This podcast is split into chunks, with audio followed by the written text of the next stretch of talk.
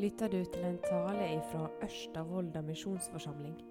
Om du vil vite mer om denne forsamlinga, kan du gå inn på øvm.no. Så kjekt å se dere. Kjekt å se både folk som eh, først og fremst har sitt papir. Eh, velkommen skal dere være. Kjekt å se folk som jeg ser for første gang her. Veldig kjekt. Og kjekt å se folk som er vant til å treffe. For noen uker siden så leste jeg om noen influensere som hadde begynt med et konsept som var ganske nytt for meg. Jeg leser ikke veldig mye influenser, men eh, og, og Det handla om å manifestere sannheter inn i livet sitt. Nå skal jeg innrømme at jeg er ikke så veldig djupt inn i det og sjekket opp dette. her, Men, men det handler altså om å si fram sannheter som så ble virkelighet inn i livet sitt. La meg ta et eksempel. Om jeg et, nå er jeg på et veldig hypotetisk nivå, altså, kunne tenkt meg å ha mer skjegg, eh, så kunne jeg ha sagt jeg er en mann som har et fyldig skjegg som gir meg og de rundt meg glede i hverdagen. Og så kunne jeg gjenta dette her flere ganger til dagen, og kanskje også bare skrive det ned i ei bok flere ganger til dagen. Og så ville virkeligheten min endre seg, sånn at om et års tid så ville dere sett meg stå her med et fullskjegg som var til glede for dere. Mm? Og Så fant jeg noen andre eksempler på gode affirmasjoner, kaller de det, som du kan manifestere inn i livet ditt. Jeg elsker at kroppen min er sterk og sunn og jeg er stolt over å være fantastisk sprek. Trygg, eh, jeg elsker å løpe, gå i fjellet og gjøre akkurat det jeg vil, hver dag. En til. Jeg er en pengemagnet, og penger kommer lett og fritt fra alle kanter. Jeg har en god, trygg og sikker økonomi som gir meg frihet til å leve drømmelivet mitt hver dag. Og en siste. Jeg elsker å leve i et fantastisk forhold hvor jeg og mannen min respekterer og elsker hverandre. Vi er verdens beste kjærester og venner. Dette var noen eksempler som jeg fant på nett. Kanskje handler det egentlig om å sette seg mål i livet og strekke seg etter det og minne seg sjøl på disse målene. Det kan jo ikke være så farlig. Men på den andre sida tror jeg faktisk at det òg er et uttrykk for noe som ligger ganske djupt i oss mennesker. Behovet for å ha kontroll og styre ting der vi ønsker å ha det. Og eie vår egen fortelling og veien videre. Og For de av oss som er vokst opp i Norge, så har vi kanskje kjøpt den fortellingen der om at du kan bli det du vil, du kan gjøre det du vil, og du kan oppnå det du vil så mye at jeg nesten står her og drømmer om å ha fullskjegg neste år, som er til glede for hele forsamlinga. Nei, kanskje ikke så langt på vei, men kanskje vi har kjøpt det. Vi kan oppnå det vi vil. Men så rakner vel den fortellingen litt nå. Gjør den ikke det? Når vi nettopp har vært gjennom noen år med pandemi, der vi ikke hadde kontroll i det hele tatt, der vi ble fratatt kontroll, og der kontroll ble utøvd mot oss når strømprisene, matprisene, rentene og en komplisert global økonomi gjør at vi som forbrukere faktisk ikke bare kan gjøre det vi vil lenger. Når et ellers sivilisert samfunn plutselig har krig i nabolaget vår, når infrastruktur som vi eier i, blir sabotert Livet det kan vise oss at vi faktisk ikke har kontroll. Og I dagens tekst så skal vi møte en mann som så altfor smertelig hadde erfart at han ikke hadde kontroll. Det er enkelte ting du kan ville så mye du bare klarer, men du kan ikke få makt over det likevel. Du er rett og slett for liten i møte med noen av disse utfordringene i livet. Og så skal vi se på noe som hjelper deg mer enn å ville eller å manifestere sannheter inn i livet ditt. Det er søndagens tekst, og temaet er 'Han som vil', og vi skal ha disse tre overskriftene. Når viljen ikke strekker til, Han som vil, og til slutt å ville Han. Men vi ber videre sammen. Far i himmelen, jeg ber om at du må gi oss noe som gjør at vi kommer til deg, og at vi får møte deg. Jeg ber om at vi får dele et rykte her i dag som gjør at jeg lettere folder hendene mine i kveld og i morgen tidlig og i dagene som følger. Takk for at du er den du er, og så ber vi om at vi må se noe av deg. Jeg ber om det, Jesus, i ditt navn. Amen. Vi leser teksten. En mann som var spedalsk, kom til ham, falt på kne og ba. Dersom du vil, kan du gjøre meg rein. Jesus fikk inderlig medkjensle med han, rett ut handa og rørte ved han. Jeg vil, sa han, bli rein. Og med det samme var sykdommen borte, og mannen vart rein. Jesus talte strengt til han og, sa, og sendte han straks bort. Se til at du ikke sier dette, et ord til noen om dette, sa han. Men gå og vis deg for presten, og bær fram de offer for rensinga di som Moses har gitt påbud om. Det skal være et vitnemål for deg. Men mannen gikk av sted og ga seg til å fortelle om det som hadde hendt. Han gjorde det kjent vidt og bredt. Derfor kunne ikke Jesus vise seg i noen by lenger, men holdt seg utenfor byene, på øde steder. Men folk kom til ham fra alle kanter. På dette bildet her så ser vi en mann som har den sykdommen som mannen som søkte Jesus, hadde. Han var spedalsk.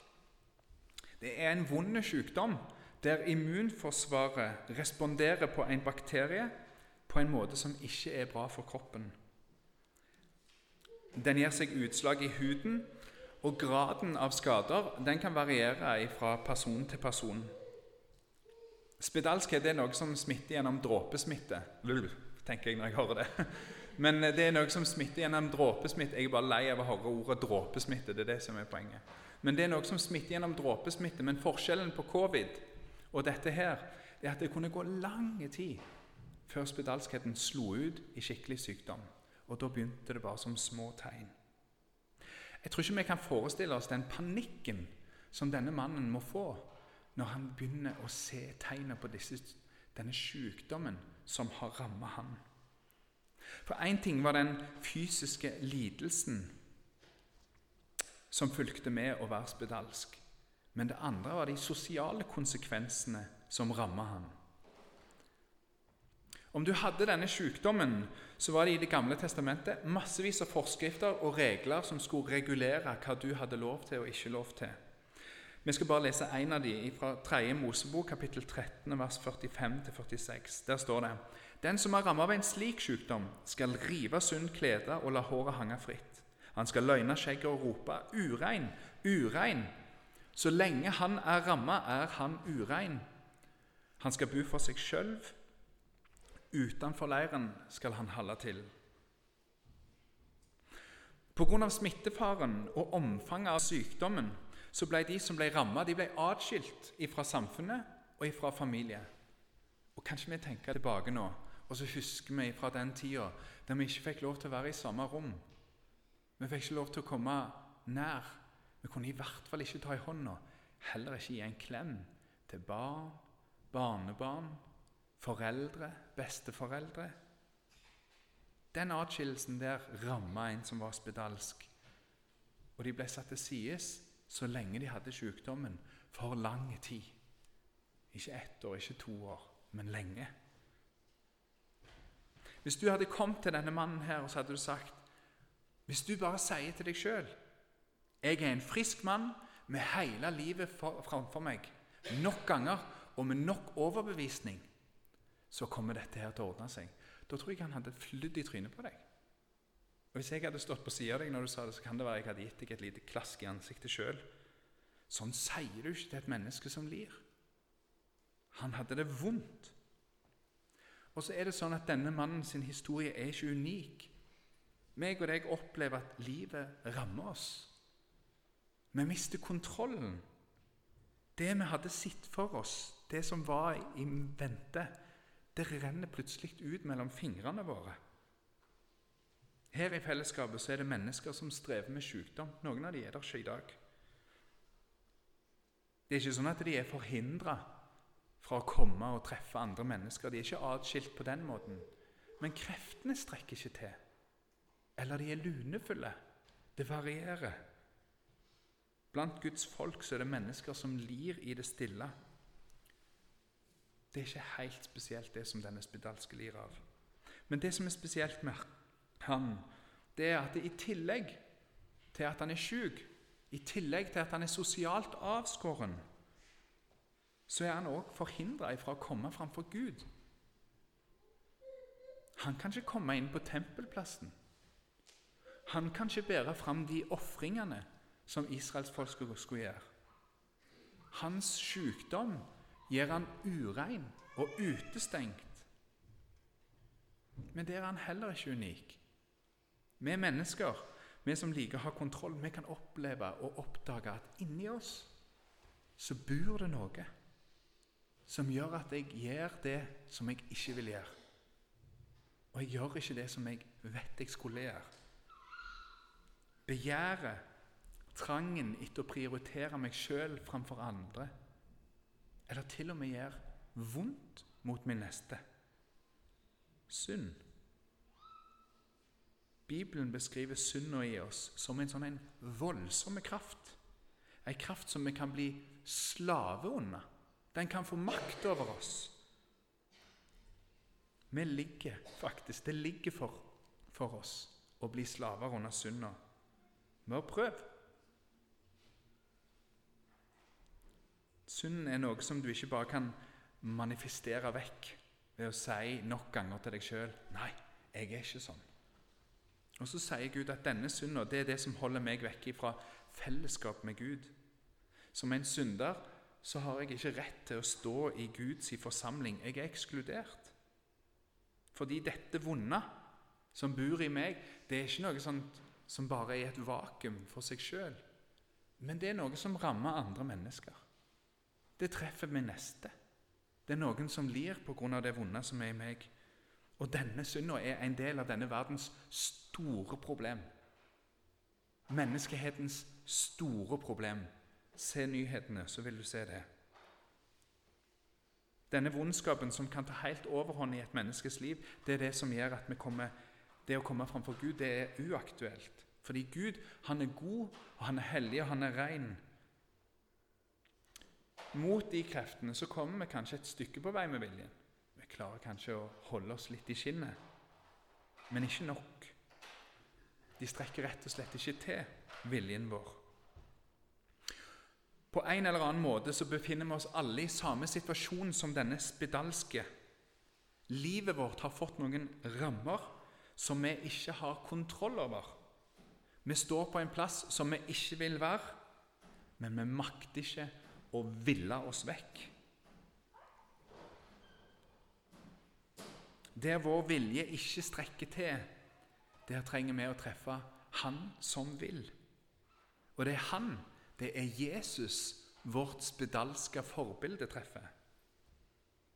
I møte med den spedalske si bønn så rekker Jesus ut hånda, og så rører han ved denne stakkars mannen. Og så sier han, 'Jeg vil bli rein.' Og straks så forsvinner sykdommen, og så blir han rein. Ikke med legevitenskap, ikke ved sjøldisiplinen som han mønstrer fram i sitt eget liv. Ikke fordi han endrer kostholdet, men pga. Jesu vilje, hans berøring og hans sitt ord, så blir mannen rein. Og Dette er en maktdemonstrasjon fra Jesus' i side. Det er ikke sikkert at det er et under, som vi ser det, men det er enda mer enn det. Flere ganger i Det gamle testamentet så møter vi spedalskheten som en sånn en et eksempel på det som er helt umulig. Det som du ikke klarer å få makt over. Det som gjør at håpet forsvinner ut av øynene på folk. Det blir sett på som en fiende på lik linje med døden. Da har du tapt. Hør bare denne israelskongen sine ord når han fikk beskjed om at nabokongen, arameerkongen, har sendt sin egen hærfører, som er spedalsk til Israel for at han kan bli helbredet. Da Israelkongen hadde lest brevet, reiv han i sund klærne sine og sa:" Er jeg Gud, så er jeg rår for liv og død, siden han sender båt til meg og vil at jeg skal fri en mann fra hudsykdommen hans.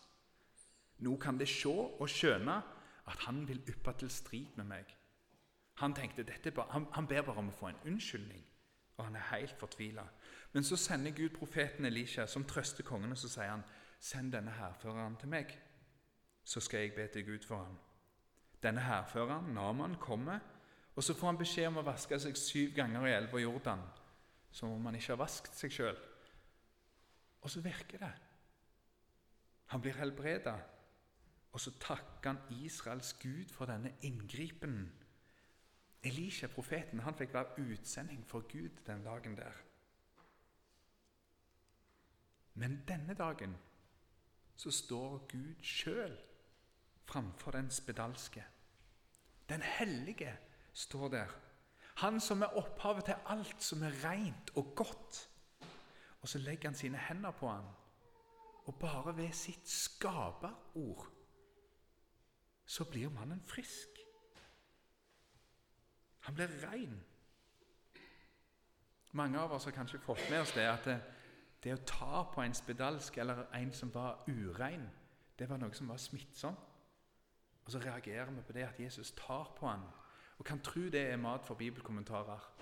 Men i en av de bibelkommentarene som jeg leste når jeg forberedte meg her, så beskriver han det som skjer når Jesus legger hånda på ham. Den berøringen som skulle gjort Jesus urein, den virker i motsatt retning. I møte med den reine så blir mannen rensa. Fordi Jesus vil det. Jeg vil, sier Jesus. Og denne mannens liv ble plutselig forvandla denne dagen. Hans plager slapp, og det proklamerer mannen videre. Og Så skjer det noe. Så sier Jesus noe som gjør at vi kanskje lurer litt på ja, men Tenkte Jesus egentlig kun på denne mannen her? Så han ikke lenger enn dette her? Vil han ikke at det, meg og deg skal oppleve en sånn en guddommelig inngripen? Fordi det ser ut som om Jesus ikke vil at andre mennesker skal høre om ham. Den spedalske får streng, og det ordet 'streng' det er strengere enn strengt. for å si det sånn. Han får streng beskjed om å ikke si til noen hva som har skjedd, men at han heller skal gå til prestene, sånn som loven sa, vise at han er ren, og så bære fram de ofrene. Dette er ikke første eller siste gangen at Jesus sier dette i evangeliene. Hvis du leser, så møter du på det flere ganger. Hvorfor vil han at det skal holdes skjult? Hvorfor sa han ikke 'spre dette vidt omkring', sånn at alle vet at jeg er han? Det er to forklaringer på det. Flere ganger så får vi høre at Jesus sier 'min time er ennå ikke kommet'. Når Jesus ble sendt til jord, når han kom for å frelse oss, så hadde han en plan og han hadde en retning på det. Han visste hva han skulle gjøre. Han hadde mange ting som han skulle gjøre før han skulle gjøre den oppgaven som faktisk var hans egentlige oppgave. Han skulle gjøre gjerninger som viste oss hvem Gud var. Sånn at når vi leser om Jesus, så ser vi aha, sånn er Gud. Og han skulle oppfylle de profetiene som det var i Det gamle testamentet. Derfor kunne ikke dette ryktet spre seg så raskt. Hvis alle fikk høre om det med en gang, så ville han ikke ha anledning til å virke, og han ville blitt tatt, og det ville blitt avslutta. Han ville ha regien, for han hadde mye han skulle gjøre. Og Det andre er et sånn helt praktisk problem som vi ser i teksten vår. Når ryktet om han spredde seg, så skviste det han ut av byene. Han kunne ikke gå inn der alle folka var, fordi det var ikke plass for folk å komme til han. Men Jesus ville til folk. Han ville oppsøke folk. Jesus sine strenge ord til mannen var ikke fordi han egentlig ikke ville, for han ville for alle mennesker. Og han vil i dag hele Det nye testamentet. Det at Jesus kom, det er et uttrykk for at Gud er en som vil. Han vil gripe inn i en verden som er full av smerte og synd full av sykdom og død. Han vil. Og så kan vi sitte i vår hverdag med den tingen som vi ikke får kontroll over. Om det er sykdom, økonomi, et vanskelig ekteskap, mangel på evner eller kraft eller styrke. Og så spør vi ja, men Jesus, meg, da? Vil du meg? Jeg er helt overbevist om at Jesus den dag i dag gjør store under. Han helbreder syke. Han reiser veike opp. Og han tar de som ingenting har, og gir dem den plassen som han hadde tenkt for dem. Og jeg er sikker på at han vil. Og så er jeg òg overbevist om at jeg kan ikke forklare hvorfor han ikke alltid gjør det når vi vil. Det tror jeg du skal snakke med han om. Det har jeg gjort gjennom livet mitt. Men jeg har ikke alltid fått svar. Men jeg kan si at noen av de største frustrasjonene i mitt liv som jeg har hatt, som jeg ikke opplevde å få svar på, de kan jeg se i dag drog, drog meg nærmere Han. Nærmere Han, Han som har lova at en dag så skal alle få svar. En dag så skal hver den som tror på Han, faktisk bli fri den sykdommen som du lir under, og den elendigheten som denne verden kan føre med seg. En dag så skal vi komme til Han. Vi skal få komme helt inn. Du som er ekskludert, skal få lov til å være med Han. En dag så skal hver hjelpeløs som søker tilflukt hos Han, få den hjelpa de trenger. En dag så skal jeg, som har gjort noe som jeg ikke skulle gjort, jeg som kjenner det vonde som bor i meg, som vi sier i innledningen på gudstjenesta Jeg skal få erfare at det, er det som han gjorde for meg, det setter meg i stand til å komme helt innføre. Helt framfor Guds trone. Og der skal jeg få stå framfor den rene og den hellige, og så skal jeg få tilbe Han med hele meg. Fram til den dagen så kaller han meg og deg til å komme til han og til å ville han. Og det skal jeg avslutte med. En mann som var spedalsk, kom til han, fall på kne og ba. Hvorfor gjør han det? Hvorfor slenger han seg ned på kne og sier til dette, dette til Jesus? Jo, fordi det er et rykte som har begynt å gå.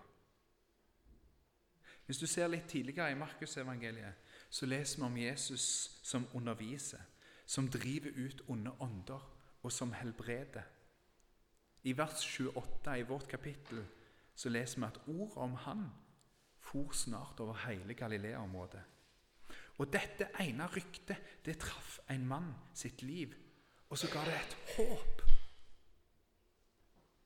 Kanskje et tynt håp, Kanskje et skummelt håp, men det er et håp om at der ute, her i Galilea, så er det en mann som ville helbrede. Dette er helt i begynnelsen av Jesus sitt offentlige virke. Så noen stor kjennskap til Jesus det har ikke den spedalske mannen. Men ryktet dreiv han til å ville han. Han ville komme nær han. Han ville falle på kne og be til han og så gikk han i tillit til Jesus. Og nettopp det å ville Han Det er ikke å manifestere Gud inn i livet ditt. Det er ikke å ville tro Gud så hardt at du en dag står der med fullskjegg, om du forstår hva jeg mener. Å ville Jesus, det er ikke å produsere Jesus. Han er der. Og når du faller ned på kne, som er en fin ting å gjøre når du er framfor Skaperen, den allmektige Gud. Da er det en Gud som hører, en som lytter. En som sendte sin sønn til jord for å frelse nettopp deg. Og Det ryktet har jeg lyst til å være med og spre. Det har jeg lyst til at du skal vite om. Kom til Han. Kom til Han når du legger deg om kvelden, og be til Han. Si de tingene som du ikke har kontroll på. Øs du ut. Be om hjelp, be om tilgivelse, be om visdom. Og når du våkner, og om du er der at mangelen på kontroll er så tydelig hos deg at det er det første som slår deg i magen når du våkner om morgenen, så har du anledningen til å ligge der og da og rope til Han og be til Han og legge den dagen du har framfor deg, i Guds hender. Om ikke annet så bare fordi du hørte et rykte om Han. Og der møter han deg. Der er han. Og han lytter til deg. Det har han sagt at han vil. Skal vi be. Herre Jesus, du ser denne forsamlingen som er samla her nå. Du ser at vi har mange forskjellige ting. Du ser at vi gjerne vil ha kontroll, og så møter livet oss på sånne ting som der vi blir hjelpeløse. Takk for at du har sagt at du ikke springer vekk da når vi kommer, men at du vil lytte. Og så ber vi om at du må berøre oss, og vi ber om å få være hos deg. Og så takker vi deg for dine gode løfter om at en dag så skal vi få være kvitt dette her. En dag så vil du gripe inn. Takk for at det har du sagt. I Jesu navn. Amen.